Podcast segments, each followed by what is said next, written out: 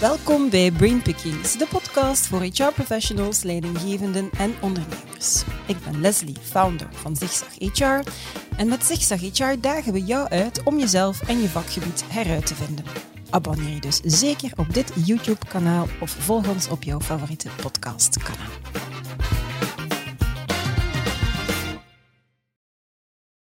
Een arbeidsovereenkomst onderscheidt van een overeenkomst voor zelfstandige samenwerking is het al dan niet aanwezig zijn van een band van ondergeschiktheid of gezag. We weten dat allemaal, maar in de praktijk vergeten we dat al eens en handelen we daar ook niet altijd naar. En dat kan vergaande gevolgen hebben als er inbreuken worden vastgesteld en als het komt tot een herkwalificatie. We gaan het in deze podcast hebben over samenwerken met zelfstandigen en waar je moet op letten als zelfstandige professional en als werkgever. Ik heb daarvoor Dieter de Jonge en Lin van de Meersen van Klaes en Engels uitgenodigd. Wanneer is er sprake van schijnzelfstandigheid? Wat zijn de do's en de don'ts als je samenwerkt met een zelfstandige of met een vennootschap die diensten verleent in het kader van een zelfstandige dienstverleningsovereenkomst? Welkom. Goedemiddag. Goedemiddag. Goedemiddag. Welkom op de kantoorboot in Gent. Geen onbekend terrein voor jullie beiden, denk ik. Nee, dat klopt. Want jij werkt hier Ja, in het kantoor in Ja, Gent. in Gent. En Kortrijk en Gent, dat is nu niet zo Ligt niet ver van elkaar. Nee, nee, en je hebt hier waarschijnlijk gestudeerd ook. Inderdaad, had je gezegd. ja. ja, Oké, ehm, Lien, als ik bij jou mag eh, beginnen. Steeds meer ondernemingen werken hè, met zelfstandige medewerkers, soms uit strategische overwegingen, vaak ook omwille van de krapte hè, op de arbeidsmarkt. Wanneer is er nu een risico op schijnzelfstandigheid en waarmee moeten de contractpartijen dan rekening houden bij een keuze om als zelfstandige contractpartijen samen te werken, dan wel voor een eh, arbeidsovereenkomst eh, te gaan en die te sluiten? Wel, het principe is eigenlijk vrij eenvoudig. Partijen die kiezen in principe zelf of ze kiezen voor een arbeidsovereenkomst of, of voor een zelfstandige samenwerking. Maar als ze een bepaalde keuze maken, dan moeten ze natuurlijk wel consequent zijn. En dan moeten ze ervoor zorgen ja, dat ze dat ook in de praktijk gaan respecteren.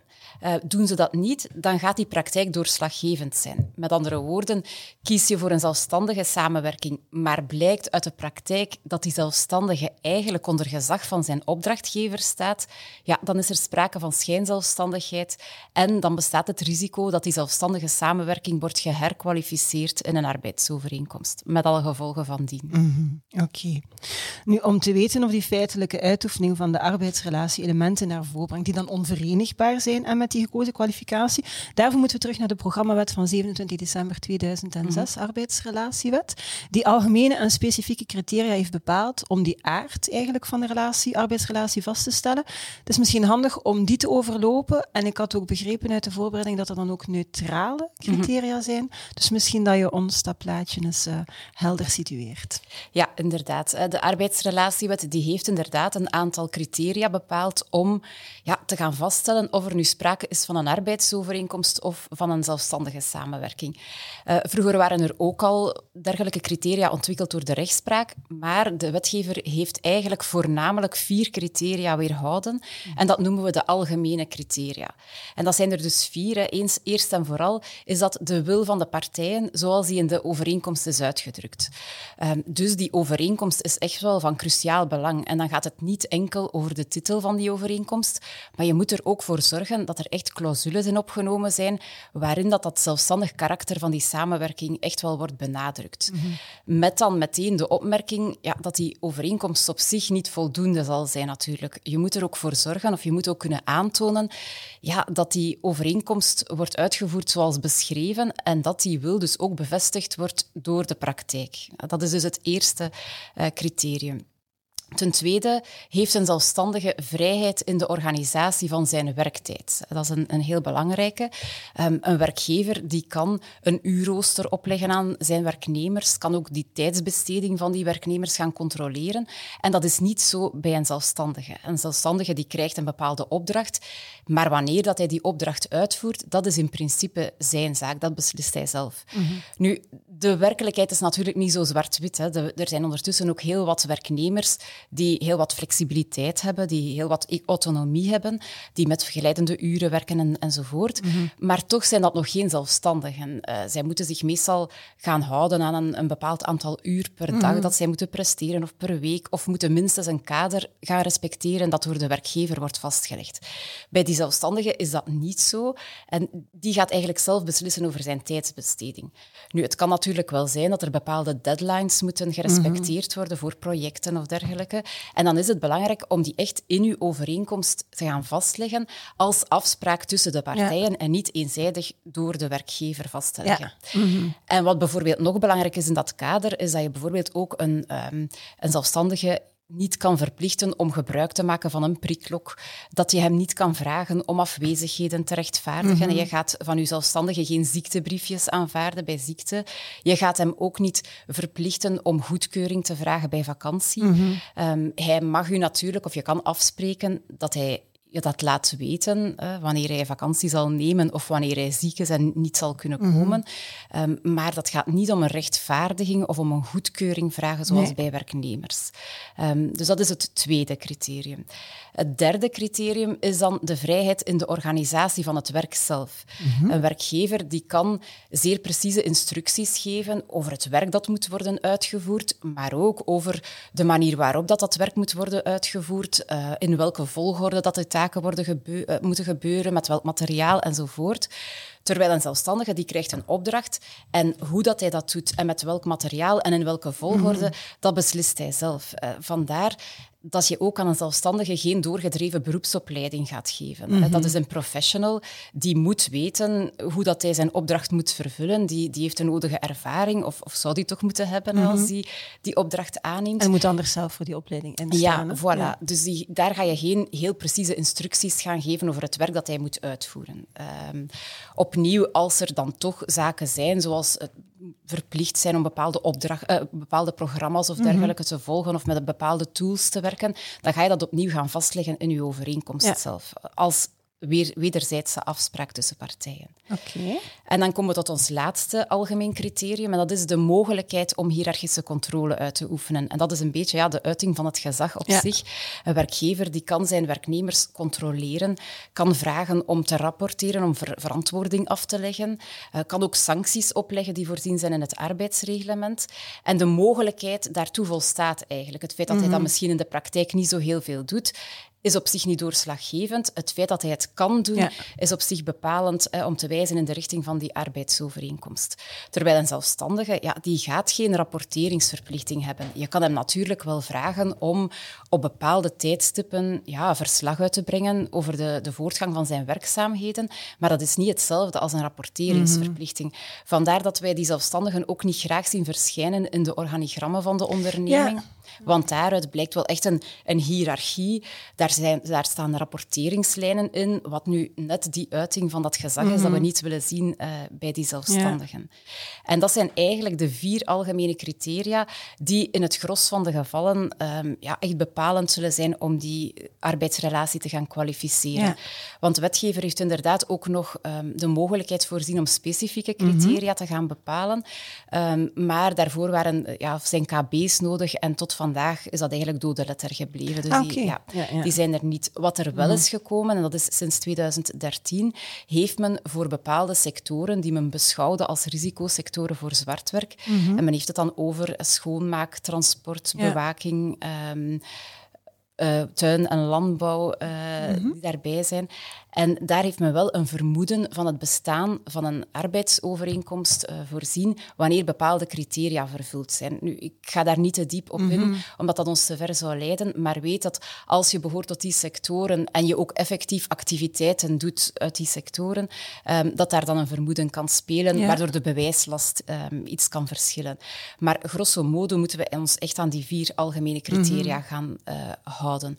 En dan heb de zelf- neutrale, ja, ja. ook al vermeld. hè. Er zijn een aantal neutrale criteria, omdat de wetgever heeft gezegd van kijk, je moet u natuurlijk als zelfstandige gaan inschrijven bij instellingen voor sociale zekerheid. Je moet uw inkomsten fiscaal als zelfstandige aangeven, eh, KBO-nummer aanvragen enzovoort. Dat moet je allemaal doen, maar dat gaat op zich niet doorslaggevend zijn om uw aard van uw arbeidsrelatie te bepalen. Het is dus niet omdat je dat allemaal gedaan hebt, dat, Dat je sowieso ja. zelfstandige bent en dat er geen herkwalificatie kan zijn. Ja, ja. Vandaar dat men dat neutrale criteria Ja. Noemt. Oké, heel helder, dankjewel eh daarvoor. Dan eh, kom ik bij jou, Dieter. Als het dan komt tot een, eh, een herkwalificatie, zijn de gevolgen niet min, hè? zowel op gebied van sociale zekerheid, arbeidsrechtelijk, fiscaalrechtelijk, met zelfs strafsancties. Waar riskeert de werkgever zoal?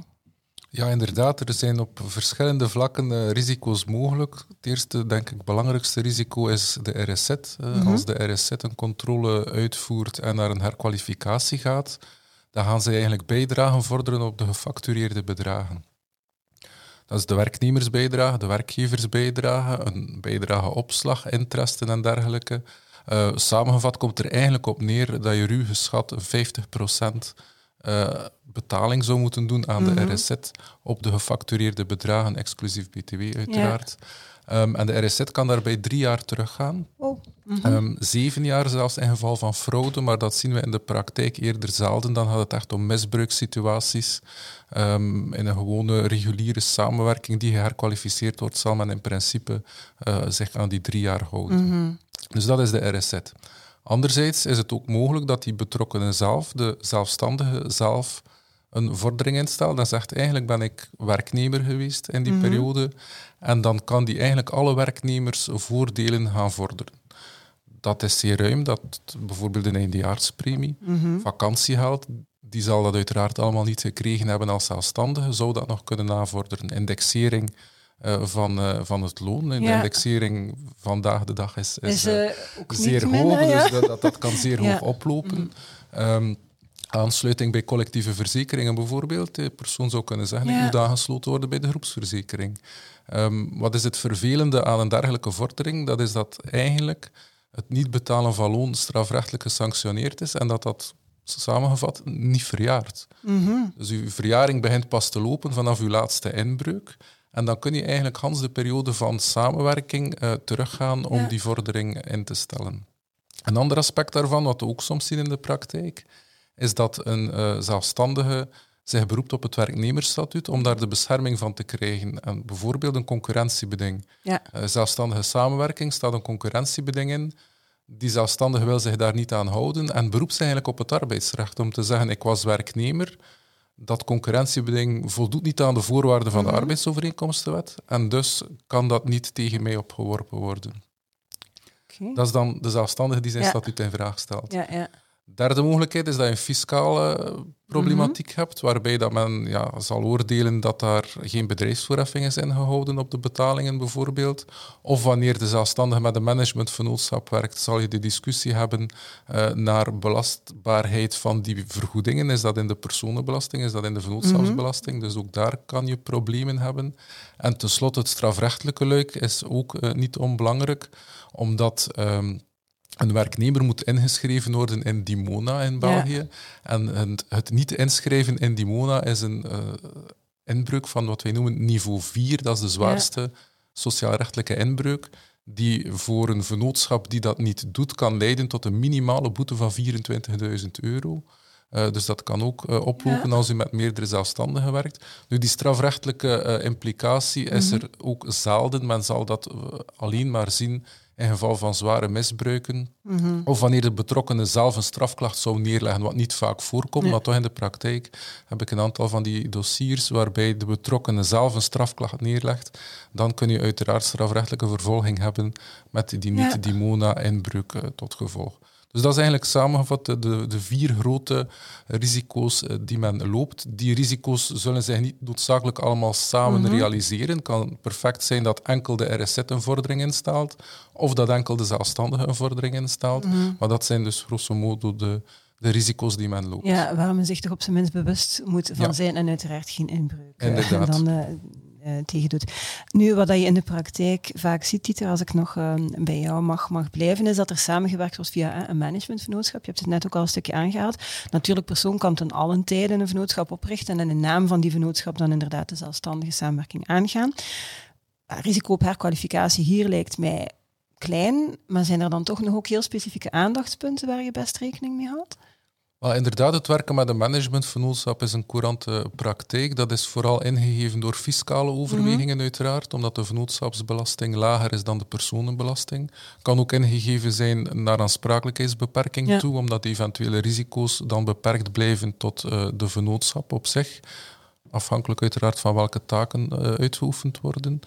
Um, maar wat de herkwalificatie en de problematiek schijnzelfstandigheid betreft, is het eigenlijk zo dat het werken met een managementvernootschap niet echt een oplossing is. Mm In die zin dat men altijd kan oordelen dat de aandeelhouder van die managementvernootschap of de bestuurder van de managementvernootschap, die dikwijls dezelfde mhm. persoon zal zijn, als die in realiteit onder gezag staat van de opdrachtgever, dan heb je net dezelfde problematiek. En dus de criteria die uh, Lin daarnet heeft besproken, zijn, ook, van toepassing, bij een managementvernootschap. En zo zijn er gevallen gekend van herkwalificaties van uh, bestuurders van een managementvernootschap die men eigenlijk als werknemer zal aanzien. Ja, ja. oké, dus toch. Um, ik ga nog even bij blijven hangen. Hè. Ja. Als er um, partijen samenwerken in het kader van een arbeidsovereenkomst, wordt er soms ook overwogen om daarnaast nog een aantal zelfstandige prestaties te leveren voor de onderneming. Dat kan in principe, in theorie. Gaan er waarschijnlijk ook wel een aantal alarmbellen tegelijkertijd af. Hè? Ja, dat is inderdaad een, een, situatie die soms voorkomt en waar men niet altijd bij stilstaat, omdat er een, een zeer specifieke bepaling is in, in onze arbeidsovereenkomstenwet die eigenlijk zegt als u werknemer bent en u gaat ook als zelfstandige voor die werkgever prestaties leveren, dan wordt dat eigenlijk allemaal geacht in het kader van de arbeidsovereenkomst te zijn gebeurd, als die prestaties gelijkaardig zijn. Met andere woorden, als u als zelfstandige iets gelijkaardigs doet als, als werknemer voor mhm. dezelfde opdrachtgever, dan wordt alles geacht in het kader van de arbeidsovereenkomst te zijn gebeurd zonder dat dat kan weerlegd worden. Dat is een onweerlegbaar vermoeden. En zonder dat de RSZ die zich daar dan op zal beroepen, op dat vermoeden, uh, moet niet aantonen dat er gezag is uitgeoefend. Dus de vier criteria van daarnet zijn eigenlijk totaal niet relevant mhm. in die discussie. De enige vraag is, zijn die activiteiten gelijkaardig? En als dat zo is, dan hebt u een groot probleem, want zoals ze zegt, het is onweerlegbaar. Ja. Uh, en er moet eigenlijk niets anders bewezen worden dan dat de aard van de activiteiten gelijkaardig is. Ja. Dus als u als zelfstandige iets doet voor uw werkgever, moet eigenlijk iets totaal anders zijn dan wat u als werknemer doet. En wat is dan totaal anders? Kan je bijvoorbeeld eh, in een arbeidsovereenkomst verantwoordelijk zijn voor communicatie? En een evenement organiseren, dat gaat er dan ook onder van, omdat dat ook een uiting Dat is, echt een feitelijke discussie. De, de, voorbeelden uh, die je soms ziet, is iemand die een, een binnenfunctie heeft bij de werkgever mhm. bijvoorbeeld, en in het weekend uh, verkoop doet op een beurs van de producten van de werkgever en dat dan als zelfstandige doet bijvoorbeeld. Dan zal men zeggen, ja, uw functie, laten we nu per hypothese aannemen dat die man of vrouw op de boekhouding werkt mhm. als werknemer, en in het weekend gaat u op beurzen producten van uw werkgever verkopen, maar dan als zelfstandige, dan is dat niet gelijkaardig. Mhm, ehm, dat is een, voorbeeld van een situatie die zich zou kunnen voordoen. Oké. Ehm, nu, hetzelfde geldt dan ook als uh, op een bepaald moment werkgever en werknemer beslissen om de overstap um, te, te, te maken eigenlijk naar een zelfstandige samenwerkingsovereenkomst. Ook hier moeten ze dan best opletten. Ja, daar is het zo dat, dat er juridisch gezien geen enkel bezwaar is dat iemand die werknemer is zelfstandige wordt en voor zijn ex-werkgever dan mhm. blijft werken als zelfstandige. Daar is zelfs cassatierechtspraak over die bevestigt dat dat kan. Ja. Maar men zal uiteraard dan terug op de vier criteria vallen om te kijken wat is er nu eigenlijk veranderd? Waarom ben je nu plots zelfstandige? Wat is er veranderd in die samenwerking? Vandaar dat we dat als, als advocaat liever zien gebeuren als er effectief iets wijzigt in de samenwerking. Mhm. Eh, iemand die bijvoorbeeld een, een meer verantwoordelijkheden krijgt of, of promoveert als het ware. Dat zien we liever dan iemand die gewoon zijn functie van werknemer verder zet als zelfstandige, zonder dat er iets verandert in de samenwerking. Ja, dan zal bij een eventuele controle men zeggen, ja, wat is hier gebeurd? Vragen Dat is niet logisch. Uh, terwijl als je een overstap maakt, omdat je meer verantwoordelijkheden krijgt, misschien dan ook een managementvernootschap opricht enzovoort, dan kun je eigenlijk een aantal elementen aanhalen, samen met de vier criteria, om te zeggen ik ben nu wel vrij in mijn werktijdorganisatie, ik ben nu veel autonomer in mijn organisatie van mijn werk en dus ben ik geen werknemer meer, maar ben ik zelfstandige geworden. Mhm. Maar dus het principe op zich, een overstap, we zien dat geregeld in de praktijk, dat kan. Hè. Daar is principieel is daar geen bezwaar tegen. Mm Oké, dankjewel. Um, Lin, ik ken vandaag nog maar weinig bedrijven die, het zij occasioneel, het zij structureel, niet samenwerken met, met, met zelfstandigen. Dus de meesten doen het effectief uh, vrij vaak. In het kader van samenwerking teamcohesie worden die zelfstandigen ook zo nauw mogelijk betrokken hè, in die samenwerking met de mensen die dan in dienstverband werken. Ja, hier zijn waarschijnlijk ook wel een aantal aandachtspunten. Um, wat kan, wat kan niet? Wat zijn daar zo de do's en, en de don'ts die bedrijven best meenemen als ze dat in de praktijk uh, daarmee aan de slag gaan? Ja, eerst en vooral denk ik dat het belangrijk is om altijd die algemene criteria in het achterhoofd te houden. Want zij zullen de leidraad zijn bij, om het even welke do of don'ts uh, van mm samen te werken met uw zelfstandigen. Ten tweede is het ook heel belangrijk om ervoor te zorgen dat de mensen die binnen uw onderneming met die zelfstandigen samenwerken, dat die ook goed op de hoogte zijn van wat kan en wat niet kan. En dat die mhm. weten hoe dat ze zich moeten gedragen ten aanzien van die zelfstandigen. Want het kan bijvoorbeeld perfect zijn dat een HR-verantwoordelijke zeer goed weet wat de principes zijn, mhm. maar dat dan de IT-manager die met zelfstandige IT-consultants werkt, ja, op dagdagelijkse basis die, die mensen echt gaat aansturen, instructies gaat geven, daar echt een gezagsrelatie gaat ontwikkelen. En dat kan natuurlijk niet.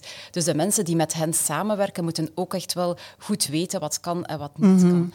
Ehm, en dan misschien een aantal concrete do's en don'ts. We, we hebben er al, al, een aantal aangehaald uh, bij het bespreken van de criteria. Mhm. Ehm, maar bijvoorbeeld, ja, geef echt geen precieze instructies over het werk, maar richt u altijd naar het resultaat uh, van het werk dat moet worden behaald door die zelfstandigen.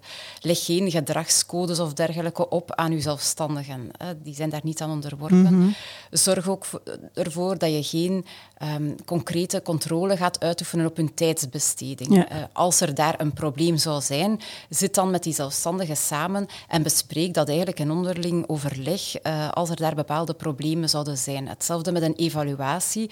Je gaat nooit bij je zelfstandigen ja, een, een eenzijdige evaluatie gaan doen van mhm. zijn werk. Wat je wel kan doen, is opnieuw met die persoon gaan samenzitten en eigenlijk als gelijkwaardige partners de samenwerking gaan evalueren. Dus dat is echt wel op een andere manier. Mhm. En dat lijkt evident, maar we zien in de praktijk bijvoorbeeld vaak dat men dezelfde evaluatieformulieren gaat gebruiken voor de werknemers als voor de zelfstandigen. En daar blijkt meestal wel een gezagselement uit. Um, hetzelfde met rapporteringsverplichtingen. Vermijd dat absoluut bij uw uh, zelfstandigen opnieuw, omdat daar een gezagselement uit blijkt. Mhm. En dan die zaken als zorgen ervoor dat zij geen ziektebriefjes indienen. Um, dat zij geen akkoord vragen voor vakantie. En dat lijkt allemaal evident, maar in de praktijk gebeurt het wel. En soms, soms zonder dat men er goed en wel van bewust is. De zelfstandige stuurt een mailtje om te zeggen van ah, ik zou dan en dan willen vakantie nemen, ben je akkoord? En dan stuurt de, de persoon, de opdrachtgever, terug, ja, akkoord. Hè. En op die manier zijpelt dat eigenlijk een beetje in die samenwerking uh, in. Dus dat moet wel vermeden worden. Mhm. En misschien nog een belangrijke, als je samenwerkt met een zelfstandige die een vennootschap heeft, waar we het mhm. daar net over gehad hebben, richt u dan ook altijd tot die vennootschap. Wees daar consequent in.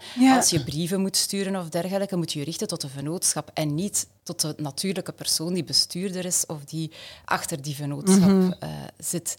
En dan een algemene, als je nu samenwerkt met werknemers en met zelfstandigen, ja, dan is het nogal verleidelijk om beide groepen op dezelfde manier te gaan mhm. behandelen en dus ja, om ook gezag te gaan uitoefenen op je zelfstandigen. En dat moet vermeden worden. En vandaar dat wij altijd de tip geven, hou die groepen zoveel als mogelijk gescheiden. En vermeld ze niet op uw organigram, in, in, ieder geval niet, maar ook niet op telefoonlijsten met uw personeel. Ehm, als het kan, uh, geef hen geen e-mailadres of mm visitekaartjes van de onderneming. Nu, dat laatste weten we dat het in de praktijk eigenlijk zeer moeilijk is. Maar zorg er dan voor dat daarin... Um, ja, iets vermeld wordt, dat het duidelijk is dat dat externen zijn aan de onderneming. Zet daar iets kleins bij van externe partner. Uh, of je hebt ook vaak die extensie en mailadressen dat, je, dat je ziet. Zodat het eigenlijk zowel binnen als buiten de onderneming duidelijk is dat die mhm. personen niet behoren tot uw personeel. En nogmaals, men kiest voor een bepaalde vorm van samenwerken en dan moet men die ook consequent gaan, gaan toepassen. Ja. Want in de praktijk zit er inderdaad wel zit er een spanningsveld. Hè. Je wilt er een mhm. team van creëren en dan ga je met de beste bedoelingen die persoon mee opnemen, onder andere in een organigram, in een telefoonlijst mm en zo verder. Ehm, heel helder, ik stel me nu nog de vraag, je zegt dus hè, bijvoorbeeld een zelfstandig medewerker in een HR-team mag dus niet geëvalueerd worden door de HR-directeur zoals de, de, medewerkers die vast in dienst zijn. Omgekeerd, een zelfstandig HR-directeur, zijn daar bepaalde zaken, mag hij of zij dan de medewerkers die in loonverband werken, hoe, mhm. hoe, hoe zit dat dan? Wel, de RSZ heeft daar wel een bepaald standpunt in. Mhm. En ja, zij oordelen eigenlijk dat een zelfstandige, bijvoorbeeld een zelfstandige interim HR-manager bijvoorbeeld, dat die geen personeel van de opdrachtgever mag gaan aansturen. Hè, dat die niet ingekapseld mag zijn in de mhm. organisatie. Uh, want dat zij dat ja, eigenlijk onverenigbaar vinden met dat zelfstandig statuut. Uh, dus daar moet wel echt ook voor opgelet worden. Uh, tenzij dat die persoon natuurlijk een vennootschapsmandaat heeft en vanuit dat mandaat bepaalde instructies kan geven of kan kan gaan evalueren. Dan is er geen probleem. Maar dan moet dat effectief gepreciseerd en geformuleerd zijn. Ja, dan moet hij effectief een mandaat krijgen. Ja. Ja, ja. Oké, ja, dankjewel. Ik kan me inbeelden dat dat toch wel in de praktijk een aantal mensen uh, een vraag uh, over, over hadden. Um, misschien tot slot nog, je hebt nu een aantal uh, do's en don'ts uh, overlopen. Um, in het algemeen, wat zijn nu de zaken voor mensen die geluisterd hebben, zo, zo drie of, of vier of vijf kernpunten waarvan je zegt van, dan moet je echt wel rekening mee houden, hier moet je echt wel op letten. Ja. Wel, eerst en vooral, het samenwerken met zelfstandigen, dat heeft uiteraard heel veel voordelen, maar daar zijn ook altijd risico's aan verbonden. Mm. En wij gaan die risico's nooit helemaal kunnen uitsluiten. Dat, dat, kan je eigenlijk niet, maar je kan wel heel wat doen om die risico's zo goed mogelijk te beperken. Dus dat, dat is wel een eerste ja, bewustzijn dat men altijd moet hebben bij die samenwerking met zelfstandigen. Twee, zorg wel echt voor een goede overeenkomst met uw uh, zelfstandigen met clausules die echt die zelfstandigheid tussen partijen uh, gaan benadrukken. Met dan mhm. meteen de side note uh, dat je natuurlijk ook moet voor zorgen dat je ook in de praktijk de juiste houding aanneemt ja. ten aanzien van die mensen. denk aan onze vier uh, algemene criteria, criteria, die we daarnet hebben besproken. Um, en dan tenslotte, ja, werkt uw onderneming zowel met werknemers als met zelfstandigen? Hou die beide groepen dan zoveel mogelijk uit elkaar of ja, ga, die zelf, mm. ga die groepen niet over dezelfde kam gaan scheren. Ja. Want dan vervalt men nogal snel in die gezagsrelatie voor iedereen en dat moet natuurlijk absoluut vermeden worden uh, bij onze zelfstandigen. Oké, okay. dankjewel. Heel uh, helder en to the point. Ik ben ervan uh, overtuigd dat jullie input uh, heel wat mensen verder geholpen heeft. Dus ik wil u daar ook hartelijk voor bedanken. Graag gedaan. Graag gedaan. Dankjewel ook aan jullie om te kijken of om te luisteren. Vond je deze podcast boeiend? Vertel dat dan natuurlijk aan zoveel mogelijk mensen verder. Heb je honger naar meer? Weet dan dat er nog heel wat uh, episodes te bekijken of te beluisteren zijn op ons YouTube-kanaal of via jouw favoriete podcastkanaal. Het allerbelangrijkste weet jullie echt wel al ondertussen. It's a great time to be in HR. Tot de volgende.